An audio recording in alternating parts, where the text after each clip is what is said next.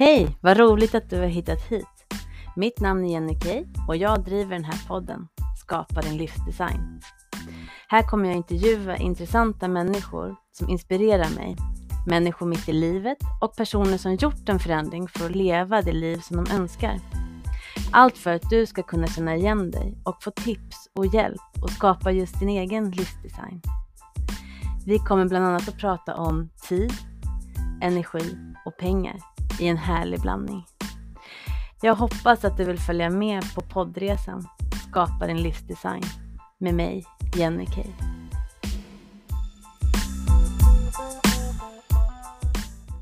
Har du gått hos en coach tidigare så har du säkerligen stött på det här verktyget, livshjulet. Det är för att skatta ditt välmående.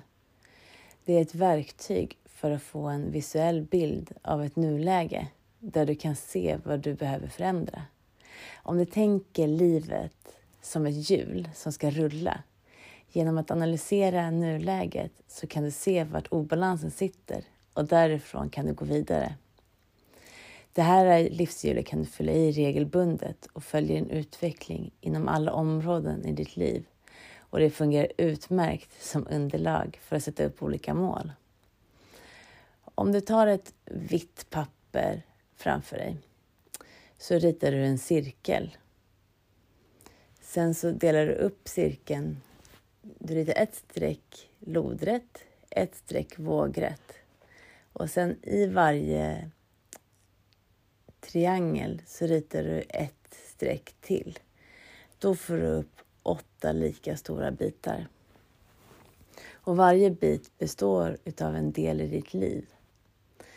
Så då skriver du kärlek i ena boxen, karriär i andra, pengar i tredje, hälsa i fjärde, familj och vänner i femte, hem, det är som fysiska omgivningar, skriver du den sjätte, fritid, gör du det du önskar och personlig utveckling är den sista. Nu ska du sätta in siffror i det här livshjulet och då är det närmast mitten, i cirkelns mitt, är 0 poäng och det som är ytterkant är 10 poäng. Så nu tar du ett djupt andetag och betygsätt alla områden i ditt liv på en skala från 1 till 10. 0 till 3, det är lågt välmående. 4 till 6, det är medelhögt välmående. Och 7 till 10, det är högt välmående. När du har gjort det så ska du kombinera prickarna för varje punkt och se hur balanserad din cirkel verkligen är. Så, nu har ju du skattat ditt livsdjurs nuläge. Nu kommer vi till nästa del. Du gör du samma sak igen fast du skattar vart du vill vara, vart du vill nå någonstans. Så till exempel har du en trea idag på hälsa och vill uppnå en femma, då skriver du en femma där. Och så fortsätter du så på varje punkt. Samma sak där, att du ska inte känna att du behöver ha en tia. Utan att är du på en trea idag kan fem vara rimligt att vilja uppnå. Eller är du på en sjua idag och tycker det är helt okej, okay, det är supertoppen, då är du kvar på en sjua. Så tio, varför tio max så är det inte bara där vi kommer vara på alla. För har du tio tior på allt, då har du säkerligen andra typer av prestationsproblem istället. Blev du sugen på att pröva? Ladda gärna ner livshjulet via länken som du hittar i beskrivningen för det här avsnittet. Eller så ritar du upp det helt själv på ett vitt papper. Gör det precis som du vill. Men gör det gärna nu. Så pausa och fyll i och så kommer du tillbaka sen igen.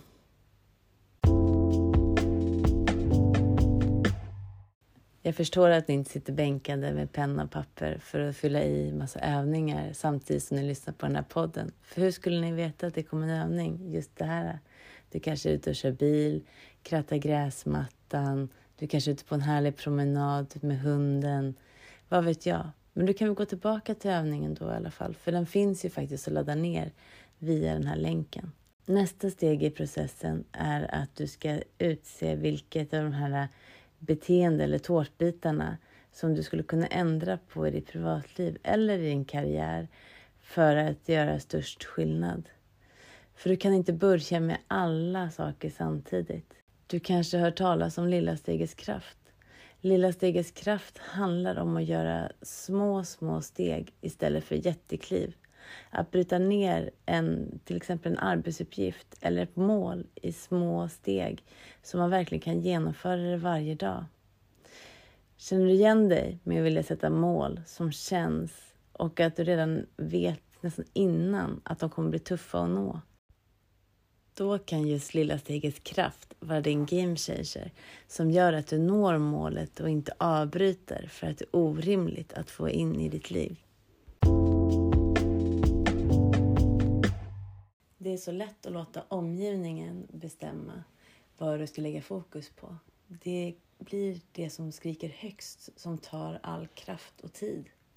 Till exempel på arbetet kan vi säga de uppgifterna som är viktigast att utföra, de som du kanske har deadlines på, det kanske inte är de som du gör precis i början och tar fart i.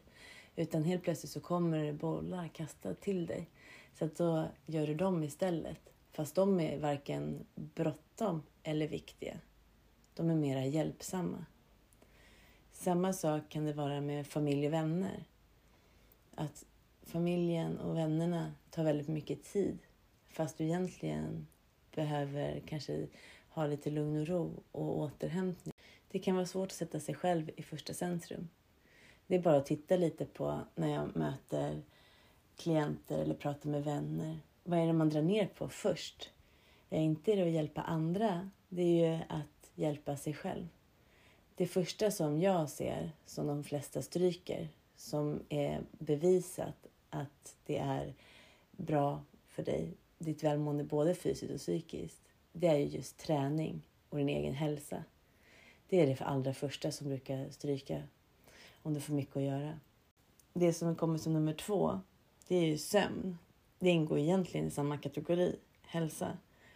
Men det är också en sak som man tummar på. Man är så trött, men man går inte och lägger sig. För man ska bara hänga tvätten. Du ska bara kolla på Netflix.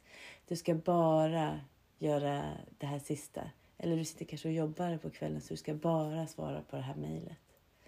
Till slut så kommer du ju till en punkt att du går och lägger dig alldeles för sent. Och de flesta människorna har ju faktiskt en speciell tid att passa för att gå upp. Antingen för att hinna till arbetet eller för att lämna barnen på förskola eller skola. Vilket gör att du, den tiden du kan bestämma över sömnen, det är egentligen när du går och lägger dig. Så hur kom jag till insikt med att jag inte levde enligt min egen livsstilsdesign? Det var när jag hade fått i uppgift att fylla i livshjulet inför en utbildning som jag skulle gå. Men då tiden inte räckte till hade jag skjutit på detta omedvetet in i det längsta. Min dotter och jag hade varit på en weekend i Paris och satt nu i loungen på Charles de Gaulles flygplats i väntan på att åka tillbaka hem. Planen var försenad så jag tänkte att det är lika bra att få det överstökat. Jag hade ju ändå uppgiften på arbetsdatan som jag såklart hade med mig. När jag gjort uppgiften blev jag alldeles kall och allt blev helt kristallklart. Jag hade prioriterat och fokuserat på fel saker. Jag levde inte efter mitt varför, utan de delarna som fick mest tid var inte mina viktigaste delar, utan det var mina prestationsdelar. Jag hade högt på karriär, ekonomi och träning i min vardag. Nu tänker du säkert att men det är väl ändå toppen att ha högt på de delarna? Jo, det är superbra. Men mina viktigaste delar som familj och vänner, skoj och fritid, hälsa, bland annat sömn, den låg i botten. Utan att jag hade reflekterat över det så hade jag lite, lite i taget prioriterat bort dessa. Så långsamt att jag inte märkte det själv.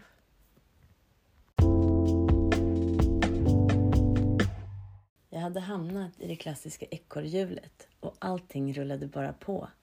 Jag hade inte tid att stanna upp och reflektera över vad jag faktiskt ville och vad jag brinner för. Just vid den här tidpunkten så var jag delägare i ett företag som var i en jätteutvecklingsfas och bara gick bättre och bättre. Jag hade personalansvar för över 100 personer och i den här tidpunkten så rekryterade vi över 30 personer till en ny anläggning som vi startade. Jag satt även i styrelsen, jag var med i ledningsgruppen och jag var fortfarande företagssäljare. Istället för att delegera arbetade jag fortare och tog färre raster och hjärnan gick på högvarv 24-7. Det var absolut inget krav från övriga delägare utan tvärtom. Jag ville ta på mig, vara duktig och njöt av kickarna av bekräftelse från arbetet. Att jag var så utmattad och läste mejlen på dygnets alla timmar, tappade närminnet och blev mer och mer lättretlig som gick ut över mina barn. Det var inget jag reagerade på förrän långt senare. Tiden var min största fiende och jag kände mig otillräcklig, både som mamma, fru och borde vara lite bättre på arbetet. Men livet går inte ihop om man ska vara överallt och prestera över 100 procent. Så jag tänkte om efter en tid av allt för mycket stress och flera utmattningssymptom. Jag vill vara mer med familjen, speciellt barnen, innan de flyttar hemifrån och vill resa så ofta som det går. Jag älskar nya äventyr, stora som små. Nu har jag gjort en livsdesign som passar mig utifrån dessa kriterier och är i mål och älskar min vardag, helgen och semestern. Men var vägen dit lätt? Nej, helt ärligt så var det inte det. Hade jag klarat den helt själv? Nej, det hade jag inte heller gjort. Jag har fått otroligt mycket stöd av vänner och familj. Och även från företaget. Sen så har jag haft en jättebra coach som har hjälpt mig med de här små, små stegen framåt. Och även där lyssnade jag inte jättebra i början heller. Men jag tog mig i kragen och tänkte, ska jag få den här förändringen som jag verkligen vill ha, då måste jag göra någonting nu. Annars, om jag blir helt utmattad, så kommer det vara alldeles, alldeles för långt tillbaka.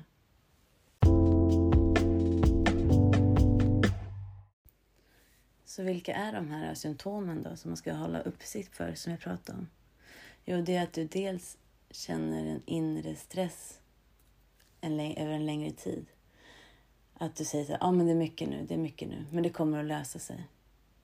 Men helt ärligt, så ifall att det är mycket nu, varför skulle det lösa sig av någon mirakulös anledning helt av sig själv? Det är inte din logiska hjärna som tänker då när du säger det. För att det ska lösa sig och bli mindre att göra, då måste du göra ett aktivt val för att göra det. Det kan ha att göra med både din eh, arbetssituation men även på privatlivet. Har du för mycket nu, att till exempel att barnen tar för mycket tid, du har en närstående som är sjuk eller inte mår bra, eller att du och din sambo har kommit överens om att hen ska få jobba mera för den håller på att starta upp någonting. Då har ni ju bestämt det från början. Men den här eh, inre stressen och jag har så mycket att göra just nu. Den kulturen kommer ju ofta över att du inte har reflekterat på vad du gör. Du har inte satt upp vad det är som är viktigt för dig och du har inte reflekterat över vad du kan göra för att få mindre. Så att du inte har den här känslan, det är så mycket nu. Absolut, i perioder i ditt liv så kommer det vara mycket och så får det vara. Men då ska det också vara en tidsbaserad situation. Så att du har ett slutdatum där framme. För det är ovissheten som gör dig otroligt stressad. Som jag märkte det först, det var nog inte ens jag som märkte det, ifall jag ska vara helt allvarlig. Det var mina när, närmaste, min familj, mina barn speciellt och självklart min man också. Det var de som fick ta det när jag kom hem och var helt slutkörd och tömd på energi. Det var de som fick ta de korta, snäsiga kommentarerna. Och det var de som såg hur trött jag egentligen var. För det är lätt att hålla upp en fasad lite för länge. för man känner en sån här skam och skuld. Man har ju oftast arbetat dit själv. Man har inte räckt upp handen och sagt att nu har jag alldeles för mycket att göra, kan ni vara snälla och hjälpa mig? Utan istället så säger man så här, ja, ja, ja, absolut, jag kan ta på mig det där också. Och det gäller inte bara arbetslivet, det gäller privatlivet också. De som hamnar där är oftast personer som hjälper andra. Och din karriär är otroligt viktig för dig och du tar det med största allvarsamhet. Att du vill göra ditt bästa. Good enough, det är inte, det är inte tillräckligt bra för dig. Utan du vill göra det perfekt. Jag gick hos en coach som fick mig att öppna ögonen ordentligt på vad jag ville och vart jag var på väg och hur jag ville leva mitt liv. För det här var ju absolut inte hållbart. Jag gick till henne och berättade min historia, vad jag ville förändra och vad jag inte visste att jag ville förändra just då. Det fina med att gå till en coach det är att man berättar saker för coachen och den ställer tillbaka öppna frågor. Som, hur kommer det sig att du gör som du gör? Varför då? Kan du berätta mer? Med alla de här öppna frågorna så gör det så att du får tänka ett extra varv mot vad du skulle göra i vanliga fall. Och ifall att du pratar med en vän, då får du ju oftast massa råd. Ibland råd som är utifrån deras egen rädsla, att de begränsar dig. Och ibland råd som är alldeles för stora kliv som du inte klarar av. Med en coach får du inte råd på samma sätt, utan du får olika typer av övningar. Coachen lyssnar, ställer öppna frågor och om du vill så får du en övning till nästa gång. Så att du kommer framåt. Jag såg ju mina framsteg när jag gjorde de övningar som jag fick. Och jag började leta mer och mer efter olika typer av time management-verktyg, stresshantering och sånt. Det var det jag började brinna för och det var på riktigt. Så mitt nästa steg var att söka en coachutbildning. Då hittade jag en coachutbildning som var på distans och på deltid. Jag hittade en utbildning som jag snabbt skrev ihop ett CV till och ett personligt brev. För när jag hittade den, då var det sista dagen att ansöka. Jag kom in på utbildningen och certifierade mig till holistisk coach. Holistiskt står för helheten, att alla delar är lika viktiga i livet. Det jag fokuserar på nu och utbildar och coachar i, det är tidseffektivitet som time management och stresshantering och i det även återhämtning. Jag har tre delar i min livsdesign som är rätt för just mig. Det är dels att jag har rörelse eller träning varje dag. Jag vill komma i säng helst 22.30 men senast 23.00 på vardagar. Jag har en tydlig plan för vad jag ska utföra vid varje arbetsdag. Och jag planerar hela veckan redan på söndagen och sen bryter jag ner dem varje dag. Den sista, men den också kanske viktigaste för mig, det är att jag ska vara närvarande vid middagsbordet som är just våran familjs samlingspunkt. Så fundera på dig. Ifall att du skulle få göra din livsdesign, som du självklart får göra, vem stoppar det egentligen? Vad är dina tre punkter som du skulle vilja väva in i din vardag för att må bättre? Jag är så glad för att du har varit med mig hela vägen till slutet i mitt första avsnitt. Så jag skulle jättegärna önska att du ger mig lite feedback. Om du vill, om du kan, så får du jättegärna göra det. Men be gentle. Det här är mitt första avsnitt, min första poddinspelning. Så att jag har verkligen försökt gjort mitt bästa, men ändå hållit mig till good enough. Men tack så jättemycket av hela mitt hjärta att du har lyssnat hela vägen hit. Och du, glöm inte att ladda ner livshjulet om du är nyfiken. Du har länken i avsnittsbeskrivningen, så det är bara att ladda ner därifrån. Och så önskar jag dig en riktigt trevlig helg och en fin kommande vecka. Så ses vi nästa lördag igen hoppas jag. Ha det så gott. Hej!